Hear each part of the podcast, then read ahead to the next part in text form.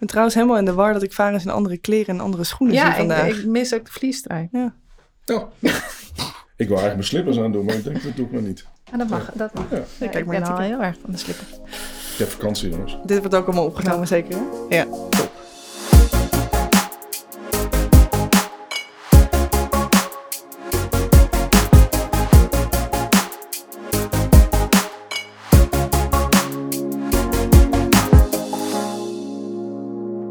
Hallo en leuk dat je luistert naar de Potvis. Mijn naam is Filijn, ik ben trainer bij VIS.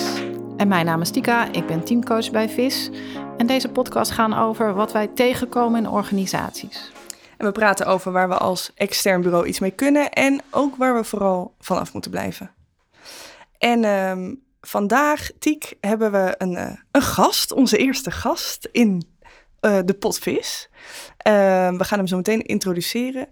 En eh, we hebben ook lang zitten kletsen eigenlijk over, maar wat is dan het overkoepelende thema? Waarom hebben we deze beste man uitgenodigd? En ehm, eh, we hadden het daar net over en toen kwamen we eigenlijk uit op wat we veel zien in organisaties, is dat mensen nou, zichzelf voorbij rennen, het gevoel hebben dat ze zichzelf een beetje kwijt zijn, ehm, eh, moeite hebben met begrenzen, ehm, moeite hebben met hun eigen positie innemen, echt gaan staan ehm, en daardoor eh, vaak uitvallen. eh, of in ieder geval eh, niet lekker in hun vel zitten, niet lekker in de wedstrijd zitten. En wat wij allebei dan heel graag doen, is dan kijken we elkaar aan en dan zeggen we, zij moeten naar Vares. Ja, zij moeten naar vaders, dat is zeker waar. En mijn eigen ervaring met vaders helpt daar ook wel bij. Precies, wij zijn samen naar Vares in, in Spanje geweest. Ja, heel mooi driedaagse. Maar ik heb daar heel erg, nou, vooral geleerd om te schakelen tussen mijn hoofd en mijn gevoel. Eh, Ja. dat, dat kan ik nogal snel, Ja. eh, maar wat meer in mijn gevoel te zakken. Ja. En dat klinkt super zweverig. ehm, en dat is een interessante brug naar, naar waar hij mee werkt. Want hij werkt met roofvogels. Eh, maar het is helemaal niet zo zweverig. En wat natuurlijk rete ingewikkeld is, eh, maar ook een leuke uitdaging voor deze podcast, is iets dat eh, gaat over de ervaring met die vogels, maar ook over het beeld. Als je ehm nou, varens, maar ook collega's bijvoorbeeld, of in ons geval deelnemers met die vogels ziet werken, eh, nou, dan leer je al een hoop van daar überhaupt naar kijken. Ehm, we hebben geen beeld eh, en je kan dit niet ervaren, dus we gaan helemaal kijken of we dit in woorden kunnen nou, meegeven of vertellen. Ehm, Vangen, ja. vangen, ja. Een heel hartelijk welkom. Dankjewel. Spannend. Eh Faris Boustandji, je bent onze, onze eerste gast in de Postvis. En ehm, nou ja, eh, de, de korte introductie was, je werkt met roofvogels. Klopt. Ja, Ja. Dat is eh, best raar. Dat vinden mensen raar tot ze het hebben meegemaakt. Ja, klopt. precies. Ja, klopt. Ik heb ook veel programma's waarin deelnemers dan aan het eind van een lang traject zeggen... Ja, het was dat hele traject met Fileen was heel interessant. Maar eh, ja, eigenlijk waar ik het meest aan heb gehad... is die sessie met Varus. En dan Sorry. Ja, ja thanks daarvoor. Ehm, en dan eh, proberen ze dat uit te leggen. En dan zegt eigenlijk iedereen... Nee, ja, ik kan eigenlijk niet uitleggen wat we daar dan hebben gedaan. Maar ik heb er wel het meest concrete dingen... heb ik daar wel Ja. uitgehaald. Maar ik vind het moeilijk uit te leggen. Nou ja, dat is mijn probleem ook. Ja. Het is heel lastig om uit te leggen wat je nou precies doet. Want je komt in een, in een raar wereldje met elkaar terecht waar je normaal niet meer naar kijkt. En dat, Ja. is, dat is gevoel, uitstraling, energie, of wat je hoe je het noemen wil. Ja, ga dat maar uitleggen. Dat, dat is voor mij na twintig jaar nog steeds lastig. Nou, en toch hebben mensen er wel veel aan. Ja. Dus, dus wa- wat, waar zit hem dat dan in? Ehm, nou, ik, ik denk dat je er niet omheen kan. Dus je, je kan niet meer eromheen dat je dient te voelen. En dat is natuurlijk een wazige term, maar het is niet anders dan eh, de connectie met jezelf herstellen. Zodat je weet wie je bent, Hm. wat jouw gevoelens en jouw behoeftes zijn. En dat je vanuit daar de beweging naar buiten maakt. En die vogels dwingen je gewoon in dat stuk. Je kan je niet meer verschuilen achter je woorden, niet meer achter je lichaamstaal. Nee. Het is wat het is. Ja. Maar ja, nogmaals, dat is gewoon heel lastig om dat in echte woorden uit te drukken. Ja, nou en wat, wat mij altijd wel heel erg heeft geholpen, eh, is dat dat voelen bij jou niet gaat over emoties voelen. Nee. Dat gaat over je lijf kunnen voelen. Dat is voor mij de grootste eh, takeaway geweest. Dat ik echt heb geleerd om mijn lijf weer terug te voelen. En wat er dan ineens aan een, aan een soort van nieuwe wereld open gaat. Ja. Als ik de dingen kan doen die ik doe, terwijl ik Je lijf voelt. mijn lijf voel. Ja, dat is iets wonderbaarlijks. Maar wat, wat er gebeurt, uh, we hebben de neiging om in de emoties te schieten. En dan zit je eigenlijk al te hoog. Je zegt, in je hoofd is hoog, maar emoties is hoog. Je lichaamsvol is eigenlijk de basis wat je hebt. Mm. Uh, het lichaam is een, een... Daar gebeurt van alles, maar die, die signalen vangen we niet meer op. Dat is hetzelfde dat je pas gaat reageren als je hoofdpijn hebt. Maar daarvoor liggen allerlei signalen totdat je hoofdpijn hebt. En daar mm. luisteren we dus niet meer naar. Dus we luisteren niet meer naar de signalen voordat je op spanning staat of dat je zenuwachtig mm. wordt. Er ligt ook van alles voor. En mm-hmm. Dat kan je letterlijk voor zijn door in je lijf te gaan zitten. En wat voor dingen liggen daar dan voor? Het kan zijn dat je je adem vasthoudt, hoger gaat ademen, oh je schouders optrekt, je kaken vastklemt. Dat soort fysieke signalen. Het is allemaal fysiek. Ja. Ja, ja. ja. Nou ja, en ik vind het heel interessant. De, wat ik heb gezien is dat die, uh, de terugkoppeling van die vogels is super direct. Ja. Dus op het moment dat ik ga denken, reageert zo'n beest. Dat, gaat nog, dat, dat krijg ik nooit zo snel terug van anderen of van mezelf. Mm. Dus zij, zij geeft mij signalen voordat ik het zelf al uh, door heb. Uh, en dus ook of, of ik goed in mijn lijf zit, of, ik, uh, energie, of mijn energie klopt. en die super directe feedback, Die, ja, die heb je gewoon niet zoveel in deze wereld. Mm -hmm. ja, met name, de, ja. En het is ook helemaal niet, ja, het is gewoon een vogel, dus het is helemaal niet erg. Hè? Ze doen gewoon wat er is. Ja. Dus het is, er zit weinig lading op in die zin. Ja, je kan, wat ik zei, je kan er niet omheen. En uh, het mooie is, heel veel mensen zeggen van ja, maar die vogels zijn zo gevoelig en uh, noem maar op. Wij zijn net zo gevoelig als die vogels. Ja, dat geloof ik ook wel. Alleen we laten ons continu verstoren door die ruis in ons kop van gedachten. We zijn continu met gedachten. Mm Als dan straks. En dan zijn we nog met meningen van mensen bezig. Dus we, we voelen ons lijf gewoon niet meer. Dus we zijn niet meer op onze eigen plek. We zijn continu met onze aandacht in de omgeving. En dat maakt dat je gewoon niet meer voelt wie je bent. Dus is dan, die, we hebben het over plek innemen en ruimte geven en ruimte nemen. Van waaruit neem jij ruimte? Vanuit je gedachten of is het jouw ruimte? Dat zijn hm. twee verschillende ruimtes. Mm Ja, maar als je dat doorkrijgt, en dat is zo mooi, omdat daarom denk ik dat het heel effectief is, uh, dan kun je ook best wel snel weer schakelen. Ik zie dus dat mensen ook wel, terwijl ze met jou werken, ineens wel gaan voelen en ineens wel uh, tot, nou, tot rust komen en uh, dus het, ja, het is ook wel iets waar, waar veel gebeurt. Ja. Hmm. ja je hoeft dus niet een hele uh, zen-sessie, meditatiesessie uh, te hebben om weer bij jezelf te komen. Eigenlijk is het even iets niet doen of even iets loslaten en hmm. accepteren wat er wel is. Dus mm. leer te accepteren wat je nu voelt. We zijn getraind in wat mag ik nu voelen in deze situatie. Dus mhm. dat is nog altijd iets wat extern ja, ja, er zit, wordt. Er zit veel een oordeel op. Hè? Dus mensen die bijvoorbeeld bang zijn ik, ik noem geen namen. uh, geen idee waar het over is. nee, nee. Uh, snaveltjes. Uh, mensen die bang zijn voor die beesten en die dat niet durven toegeven of heel stoer gaan staan en denken, nou dit doet me niks en ik laat wel even zien wat ik in huis heb om, om hier te gaan staan. Nou, dat krijg je wel even terug. Ja. Maar dus, dus dat oordeel of dat idee van wat moet ik met dat wat ik ergens op de achtergrond bij mezelf merk. Nou, dat, zie, dat merk ik bij mezelf, maar dat, dat, dat zie ik ook bij heel veel andere mensen. Ja, bijna iedereen. Alleen wat ik zeg, we zijn niet meer gewend om echt te voelen. Wat voel ik nu? Of wat moet ik nu voelen? Dus angst is een voorbeeld dat mensen bang zijn voor die vogels. Nou, als jij accepteert dat je angst hebt. Het rare is, als je het accepteert, is het heel erg rustig om je heen. Ja. Maar als jij een oordeel over je angst hebt, ja. dan ja, je communiceert het oordeel, je communiceert angst, uh, je moet het goed doen, je communiceert dat je, het, dat je collega's kijkt, noem op. Dat zijn allemaal bewegingen om je heen die afleiden van wie je nou eigenlijk op dat moment echt bent. En dat is gewoon angst. Ja, en Faris, hoe lang werk je al met roofvogels? Uh, professioneel, 17 jaar en ik ben nu 23 jaar met vogels bezig. Oké. En zie jij nou dan nog andere dingen de laatste jaren? Ja, ik zie uh, steeds meer onveilige mensen binnen organisaties. Oké. En dus wat, wat is een onveilig mens? Een onveilig mens is continu in zijn uh, omgeving ingetuned. Wie mag ik zijn? Wat moet ik doen? Wat mag hm. ik voelen? Hm. Doe ik het goed? Noem maar op. Dus de hele aandacht ligt buiten zich en niet meer bij zichzelf. Mm. Zouden we dat kunnen verwarren met uh, uh, dat we bijvoorbeeld mensen heel empathisch vinden? -hmm. Kan, maar het ligt eraan waarom je empathisch bent. Ja, Ga ik nog een stapje verder. Empathisch zijn is natuurlijk leuk. Maar als jij compleet ingeleefd bent in de andere persoon, wie, wie ben jij dan nog? Ja. Of leer je voelen, hé, hey, wat voel ik als ik daarnaar kijk naar die persoon? Dan ben jij het voelt, die het voelt. In plaats Ja, van dat dat is- je daar gaat voelen. Dat is ook altijd wat je in die sessies doet, hè? Kom Dus, continu dus, tegen. ja, maar jij vraagt ook aan de mensen die zitten te kijken. Als je hier naar kijkt, ga er dan niet iets van zitten vinden, maar ga intunen op wat doet het met mij Ja. dat ik hier naar kijk. Dus tune bij jezelf in wat het jou doet als je naar iets anders kijkt. Dan kom je tot andere informatie. Dan Ja. kan er geen oordeel, kan er geen Hm. aanname tussen zitten. En dat is een andere vraag dan wat doet het jou dat hij of zij daar staat naast een vogel en bepaalde dingen doet. Eh, als je dat vanuit jezelf doet, en vanuit de verbinding doet, is het hetzelfde. Wat doet het jou? Ja.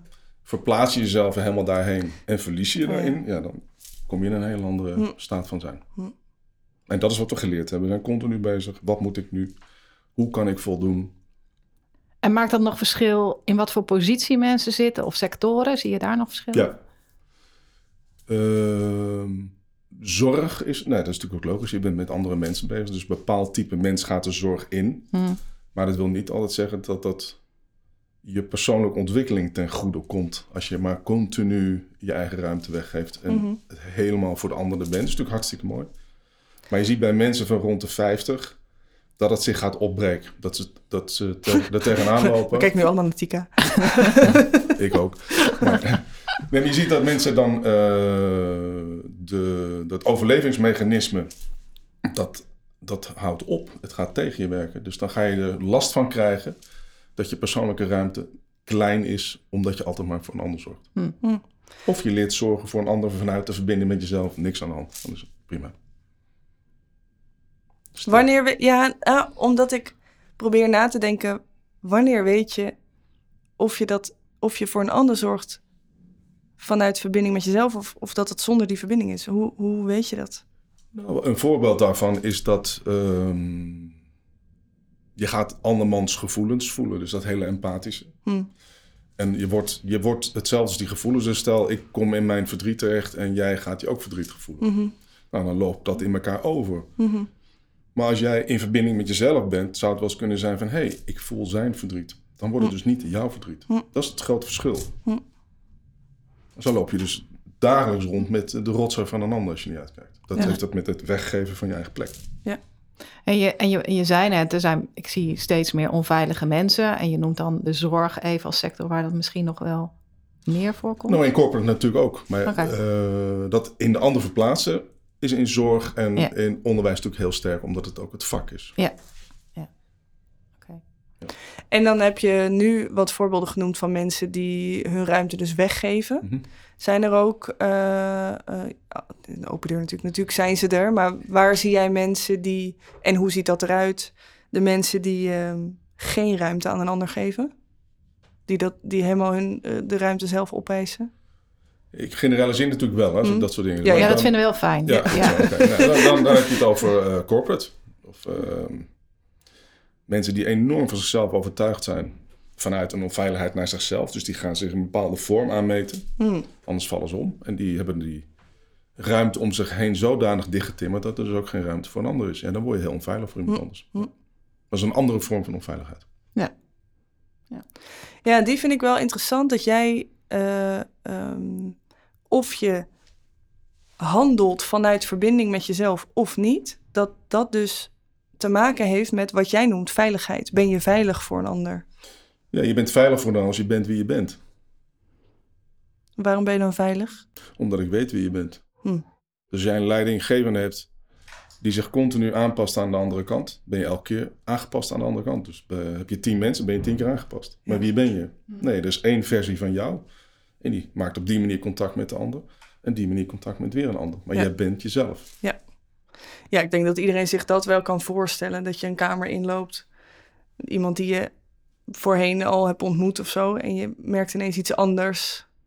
Of iemand die zich anders eh, voordoet in een andere setting of zo. Mhm. Of er, er loopt iemand anders de kamer binnen en iemand gaat ineens heel anders erbij staan of Ja. eh, anders praten. Ja, dan heb je het over uitstraling. En daar hebben we natuurlijk misschien, weet ik eigenlijk niet hoor, maar misschien zelf aan bijgedragen omdat we heel veel eh, bij, bezig zijn geweest met leiding geven als je moet coachen, je moet vragen stellen. En dat is echt wel de laatste 10, 20 jaar is het daar met name over gegaan. En ik ben wel benieuwd hoe jij naar kijkt, vader. Want ik, uh, ik lijk ook wel veel leidinggevenden te zijn die daar een beetje in doorgeschoten zijn en weinig begrenzen. En uh, maar ook zichzelf moeilijk neer kunnen zetten in, in een team. Ja. Zie je dat ook? Ik zie het heel veel, maar naar mijn mening is dat wat je zegt, we hebben het zelf gecreëerd. Als je we zijn bezig met uh, onszelf skills aan te leren om leiding te geven. Nee, het wordt tijd dat we weer onszelf worden. En mm. dan word je ook veilig voor de ander, word je ook begrijpbaar. Dus die, die hele ja, die identificatie ligt in wat we doen. Je, bent niet wat je doet. Mm. Het is jij die het werk doet. Dus je moet jij leren, leren kennen. Mm. En als jij jij bent, dan, ja, dan zijn er niet zoveel discussies meer. Want dan weet ik wie je bent. Dat is wel grappig, want ik heb best vaak mensen in groepen die zeggen: Ja, maar bedoel je ehm, eh, wat mijn voorkeur is of wat mijn behoefte is in mijn werk of thuis? Want dat, is echt heel anders. Ja, nou moet je kijken hoe je jezelf ja, aan elkaar trekt. Ja. Alsof je twee levens hebt. Nee, het is nog steeds het is jij die het werk doet. Ja. Je bent geen timmerman, je doet timmerwerk. Dus als je die identificatie weer teruglegt naar degene die het werk doet. Mhm dan wordt het een stuk makkelijker. Wat ik ook veel hoor en wat ik ook snap van mensen is: ja, maar als er bij mij thuis super veel shit aan de hand is en ik uh, hou nauwelijks mijn kop boven water. Um, ja, ik moet ook gewoon naar mijn werk en ik moet ook gewoon mijn werk doen. En uh, als ik uh, met cliënten of met klanten aan tafel zit, dan, ja, dan kan ik dat niet dan er de hele tijd maar laten zijn. Dus hoe, hoe kan ik dan professioneel mijn werk doen en nog wel in verbinding zijn met mezelf. Ja, die zin, die zin in verbinding zijn met zichzelf was heel hard werken. De hele dag iets doen wat je niet bent, dat is hard werken. En als je dat eenmaal voelt, dan merk je waar de, waar de, de, de energy drain ligt. Hmm. Dus het, het is alsof je heel hard moet werken om jezelf te zijn. Dat is natuurlijk te achterlijk. We zijn nog wie we zijn, alleen we zijn er vanaf gedreven. Dus als wil je daar terugkomen, is het eigenlijk iets loslaten, iets ontspannen en dan ben je er. Ja, en ik denk dat mensen heel erg bang zijn voor wat voor beerput ze dan ja. opentrekken. Nee, je komt ook in een beerput van jezelf terecht. Maar ja, als je die beerput niet opruimt, ja, dan ergens krijg je hem. Hè? Uh, nu hmm. of straks, ergens komt hij. Dus je stelt het ja, uit. En volgens mij zien wij, tenminste dat, dat lijkt ik, ik zie dat ook wel in organisaties, dat mensen zichzelf niet meer kunnen managen, omdat het zoveel gedoe is in een organisatie. Kijk, we kunnen onszelf wel managen als het redelijk gaat. En, maar er is natuurlijk de afgelopen jaren zoveel gebeurd dat ik nu zie dat mensen zichzelf niet meer kunnen managen en dus oude triggers niet zijn opgeruimd. Ja. En die komen, die komen aan alle kanten naar boven. Ik vind dat niet zo gek, maar ik zie, het, lijkt, het lijkt al meer te zijn. Mm. Nou ja, dat is misschien een beetje raar, maar wij worden ook ouder. Dus je, je groeit mee met de mensen die met oude shit zitten. Mm. En, en, dan heeft het al langer geduurd. Ja.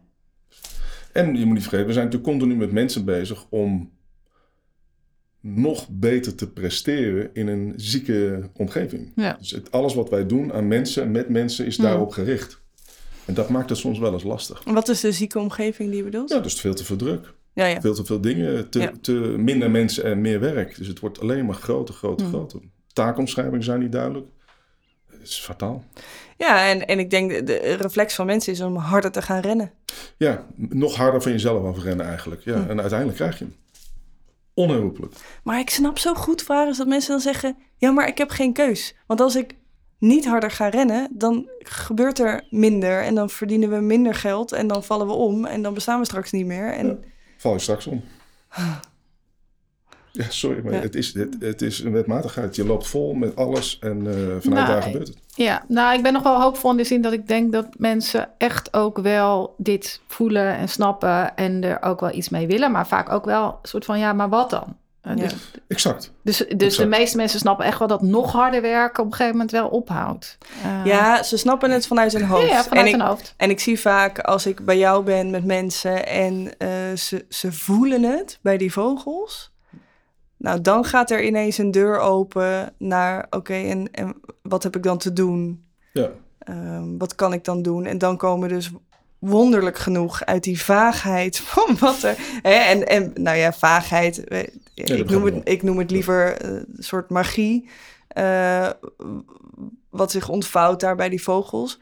For some reason halen mensen daar ineens hele praktische dingen uit... die, die alsof ze het licht hebben gezien. Nou, dit is wat me te doen staat. Ja. En dat komt vaak neer, dus de, de connectie met jezelf herstellen. En dat, Ja. daar zie je ook de tranen bij mensen. Oh, ik mag mezelf even, oh, heerlijk, mag. Ja. Het mag. Gewoon de toestemming überhaupt. Ja, exact. En ja, in die weg weer naar binnen toe kom je je oude shit tegen. Dat is onherroepelijk. Maar ja, dat- Mhm. als je maar genoeg pijn hebt, ga je het wel aan. Dus zolang we continu maar boven die pijn borrelen... doordat we continu maar bezig zijn met de buitenwereld... Hm. ja, dan houden we dat nog wel even vol. Maar ergens krijg je... Ja, we, en, en voor de mensen die nu luisteren, denk ik zo, dat is wel eh, zwaar. Ik vind het juist ook vaak bij jou niet zo zwaar. Omdat Ja. ik denk, mensen gaan voelen en dat is helemaal, er, er komt geen beerput los. Eh, eerder eh, lucht het op of... Het geeft ruimte. ja, dus, Ja. dus en jij bent gemiddeld ook best grappig. Gemiddeld. Dus dat, Nou, daar ga ik eens op letten. nee, maar dat is ook fijn, hè? Want mensen denken dan, hoe het wordt helemaal zwaar en, en heftig. Terwijl ik juist Ja. zie dat, me- dat het oplucht. eh, Ja. Wij hebben ook bij jou gezeten en daar hele grappen over gemaakt dat onze Ja. pakiet het niet deed. En, eh, Ja. ehm, dus, dus, dus dat voelen is, dat, dat, we denken dat het allemaal heel ernstig is Mm. en groot Ja. en dramatisch. En daarom willen mensen daar, ik, ik herken mezelf ook wel. Ik dacht, Ja. dan gaat er een peerput over. Ja, dat valt best wel mee.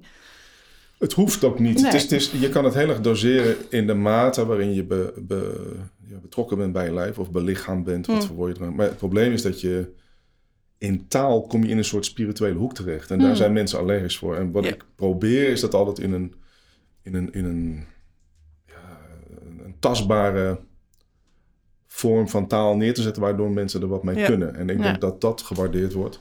Ja. En ja, het lukt niet altijd. Soms kom je in een soort yoga-taal terecht, maar er is, het is niet anders. Ja. Ik kan het niet anders. Er is nog geen taal voor dat stukje. Zou, zou dat de, de, de, moeite waard zijn om dat eens te onderzoeken? Of we daar in organisaties meer en gemakkelijker taal voor kunnen maken? Ik merk dat het steeds sneller gaat. Normaal duurde het wel eens twee dagen voordat we het over eh, verbinding met jezelf, aarding en lichaamsgevoel ja. konden. En nu een paar uur en- dan zie je in één keer eh, een directieleden van een groot bedrijf het over aarding hebben. Nou, Ja, dan ja, ja. moet ik al ontzettend lachen, maar Ja. het is wel zo. Ja. Het is zo bazaal en uiteindelijk pakken ze het wel als het gevoeld hebben.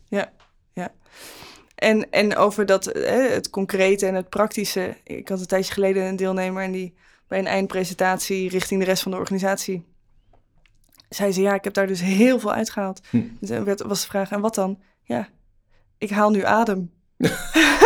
Ja, maar En- moet je kijken wat ze zeggen. En de, en de rest zat echt zo, sorry, wat? En ze zei, ja, ik kwam erachter dat als ik een spannend gesprek inloop... dan had ik van tevoren al helemaal bedacht wat alle scenario's waren... hoe ik dan zou reageren, hoe die ander zou reageren. En ik kwam erachter dat ik dan stop met ademhalen. Of dat het ergens heel hoog gaat zitten. En ze zei, wat ik nu doe, is dat ik, eh, voordat ik de deur open doe... nou, dan wiebel ik met mijn tenen in mijn schoenen... en dan haal ik drie keer heel diep adem. En dan ga ik naar binnen en dan hebben we een heel ander gesprek. Ja, moet je kijken. Maar het, het, het werkt Wonderlijk, ja. zo. Ja. En dat is dus blijkbaar wat we leren van vogels. En een beetje van jou. Ja, heel klein beetje. Nee, ja, ja, wat dat mij gegeven heeft, is een, is een, eh, een basis in mijzelf, waardoor het een, een gevoel van onafhankelijkheid in het leven geeft. Dus het maakt niet zoveel uit tegenover wie ik sta. Ik wiebel nog wel natuurlijk, maar het slaat me niet uit het lood. Ja, ja. En dat is letterlijk wat ik iedereen gun, want je hoeft niet bang te zijn voor dat soort dingen. Hm. Niemand heeft het recht om jou uit je lood te slaan. Niemand. Nee, en ik denk dat er een groot verschil zit in dat je dat misschien rationeel weet. Ja, en je moet het voelen. Dat je, het, dat je voelt dat je stevig staat en dat je, nou ja, wat er dan ook komt, dat je wel kan terugveren. Exact. Ja. En dat je weet waar het zit. Weet waar die connectie in je lijf zit. Dan kan je er elke keer naar terug. Hoe je hem kan terugvinden, ja. Nou ja, dat is natuurlijk ervaringsgericht leren. Dus beelden zijn heel helpend daarin. Ja. Hè, Dus je weet precies wanneer zo'n beest wat hij deed en Mm. hoe hij reageerde en niet of wel. Ja. Die momenten zijn, dus, dus dat helpt heel erg. En dat weten we allemaal, ervaringsgericht werk. Ja, ja. Leren is natuurlijk veel eh, Ja. bruikbaarder dan erover praten. Ja. Dus, dat, dus ja, dat doet het ook. Ja, Het is dat beeld en welk gevoel had ik daarbij. Ja. En als je dat herinnert, ja. dan ga je skyhigh. Nee, eh, dus jij maakt ook veel ankertjes Ja, op zo'n workshop. Hè? Dus, ja. dus, eh, waardoor mensen er elke keer naar terug kunnen. Dus het is dan niet gekoppeld aan die, aan die middag of die dag, maar het is heel erg gekoppeld aan die ervaring. Die, Ja, ze, die precies. ze weer kunnen oproepen. Exact. exact. Ja. En dat oefenen. Hey, en eh, we koppelen het ook regelmatig aan thema's als begrenzen. Mhm. En eh, eh, ik weet dat wij in het verleden ook wel vaardigheidstrainingen begrenzen en assertiviteit en zo hebben gegeven. Dus wa- wat is het verschil tussen begrenzen als vaardigheid of begrenzen als thema bij jou en je Canaries? Met Canaries. Nou, ik, ik denk dat het grote verschil is dat uh, als je grenzen vanuit een, uh, een skill doet, dan is het vaak een bedachte grens. Oh, dit, is, dit moet nou mijn grens zijn. Hm. Stel dus dat je zegt, wat mag ik nu voelen? Als je in connectie met jezelf bent, weet je wat je grens is. En zo kan die grens vandaag hier liggen en morgen daar. Dus dat is ook niet een vast iets. Het is ja, hoe jij er op dat moment in staat. Ja. Dus, dus je zou eigenlijk zeggen, ga eerst eens leren om dat te voelen, waar die ligt en wanneer die waar ligt. En gewoon in ieder moment. En dan zou je later de vaardigheid kunnen leren, hoe kun je dat dan handig communiceren naar anderen. Exact, en dat doe je altijd weer vanuit die connectie met jezelf. Precies. voor mij is dat iedere keer de basis. Ja. En dan kan je allerlei skills erbij stoppen. Ja. Maar het is jij die de skills beheert en niet andersom. Ja. Zie jij nog in uh, termen van leiderschap dingen veranderen? Want jij, jij ziet heel veel leidinggevenden. Ja. Ik zie de behoefte aan verandering veranderen. Dus er is een enorme behoefte aan iets, maar ze weten niet wat. Eigenlijk hetzelfde wat jij net zei. Uh, dat maakt dat als je met ze werkt, dat je inderdaad binnen een ochtend over allerlei yogataal kan hebben en ze begrijpen waar je het over hebt. Mm. Dus er is een enorme eagerness tot verandering, omdat ze ook wel voelen dat dit niet door kan gaan. Mm. Ze voelen ook wel dat ze hun eigen lijf aan het uithollen zijn, hun eigen geest aan het uitputten zijn. Ja. En um, dus daar, daar, ben ik heel positief over. Je kan dus heel snel tot bepaalde stappen komen die je tien jaar geleden niet Mm. kon. Dan was je echt twee, drie dagen bezig om over die thema's te kunnen hebben. En vaak als je ook de, de connectie legt naar duurzaamheid. Ja, we kunnen natuurlijk allerlei mooie duurzame programma's hebben. Maar als we elkaar nog steeds uitwonen. Mm. En niet heel houden en elkaar nog niet aanvoelen. Wat, wat, is dan duurzaamheid? En voor mij ligt duurzaamheid in, op dit vlak. Dat ik weet wie Filene is, wat haar kwaliteiten zijn. En wanneer ik er ook eens kan helpen als het nodig is. Hm. En als je die connectie legt, gaat het ook leven bij mensen. Omdat ze daar zo mee bezig zijn. Ja. Ja, zonder dat dus helemaal vanuit de ander te doen. Vanuit zichzelf. Je doet dat vanuit jezelf. Ja. Kijk je naar de ander. Dus eerst, nee, eerst ga je jezelf heel houden. Hm. Dus je gaat die verbinding met jezelf aan. Je weet wat jouw behoeftes zijn, wat jouw grenzen zijn. Je weet ook wanneer je moe aan het worden bent in plaats van dat je al stuk zit. Je weet het eerder. Ja. En ik kan ook eerder zeggen, Filene, kan je me even helpen? Ja. En vanuit daar kan ik jou helpen. Eerst die verbinding met jezelf Exact. en dan met de ander. Zie je dat mensen dat ook makkelijker doen om hulp vragen? Het is niet, niet per se een persoonlijk themaatje of zo, maar... Je hebt het over Filene, hè? ik heb het altijd over Ja. Ja. Of dat moeilijk is. Nee, zie, je, zie je dat mensen dat dan makkelijker doen of meer gaan voelen waarom dat... Uiteindelijk zie je het ze doen. Het, is heel moeilijk in een normale organisatie waar het net niet veilig is. Dat ga je niet vragen. Want je moet het altijd weten. Je moet altijd eh, het goed zijn. Maar op het moment dat je elkaar wat meer leert kennen als mensen, ja, dan zie je dat open gaan. Dus het is dat investeren in het mens zijn, het intermenselijke, die connectie. En vanuit daar gaan ze langzaam wel die vragen stellen. Ja. Maar dan moet het veilig zijn. Ik vind ook dat ik dat ook van jou heb geleerd. Dus Oh. ik weet nog wel dat ik de eerste keer bij jou was. En was, dat was best wel, vond ik spannend. Want toen had ik een managementteam meegenomen die ik begeleide. Hm. En toen had ik nog nooit met vogels gewerkt. Toen, zei- toen zei ik, zo, Dat ik was ben altijd zo'n bungee jumper. Ja, Ja. dus ik zei, oh, dat doe ik ook wel even. En ja. bij mij deden ze het niet. Dus, eh, en toen ging jij naast me zitten en toen duwde je je hand in mijn rug. En ik zal dat nooit meer vergeten, omdat ik, ik voor mijn gevoel, ik doe altijd alles alleen. Hè? Dus zeker tot dat moment is het allemaal wel goed gekomen. Maar, eh, en dat heeft me heel veel gedaan. Dat ik dacht, ah ja, we hebben heel vaak geen hand Nee, in, in de rug. Dus dat heeft me toen ook heel veel gebracht. Dat ik dacht, ja. oh ja, dat helpt zo erg om, eh, dat iemand dat even doet. Of je herkent het niet als iemand het doet. Kan ook nog. Hè? Hm. Dan ben je nog te veel bezig Ja, hetzelfde ja. te doen. Dan helpt het. Maar het, is, wat ik, het elke keer terugschakelen naar jezelf. En dan voel je die hand in Ja. de rug. Hm. Ja. Het is niet... Ja. Nee, maar dat, dat, ja, dat gevoel van iemand heeft mijn rug. Wij hebben niet zo mooi, Hm. in Engeland hebben ze daar mooi term voor. Dat heb ik toen heel erg geleerd Ja. van jou. Oh, Nou, oh, wat fijn. Ja. Dat- ja. Dankjewel. ja. Jongens, ik, ik, ja, volgens mij hebben we toch een beetje woorden kunnen geven aan, eh, aan beeld en aan ervaring. Ehm, volgens mij kunnen we ook nog weken hierover verder praten. Dus eh, nou ja. Nou, we, we kunnen ook wel een linkje plaatsen als mensen een beetje beeld hebben. Toch? Want je hebt ook in Dream School gezeten. En Ja. er is misschien ook wel een mooi materiaal over. Ja, Iets zeker. laten is zien. gewoon te vinden. Ja. Ja. precies. Dus dan gaan we wel even een mooi linkje Leuk. En natuurlijk een linkje voor hoe jullie eh Vares kunnen vinden. Ehm we dankjewel, ons samen kunnen vinden. Ja. Ons samen, ja. Leuk, ik vond het erg leuk. Dankjewel. Jij bedankt. Dit was de Potvis met onze eerste gast, Faris Boustanji. En natuurlijk met Tika. En met Filijn.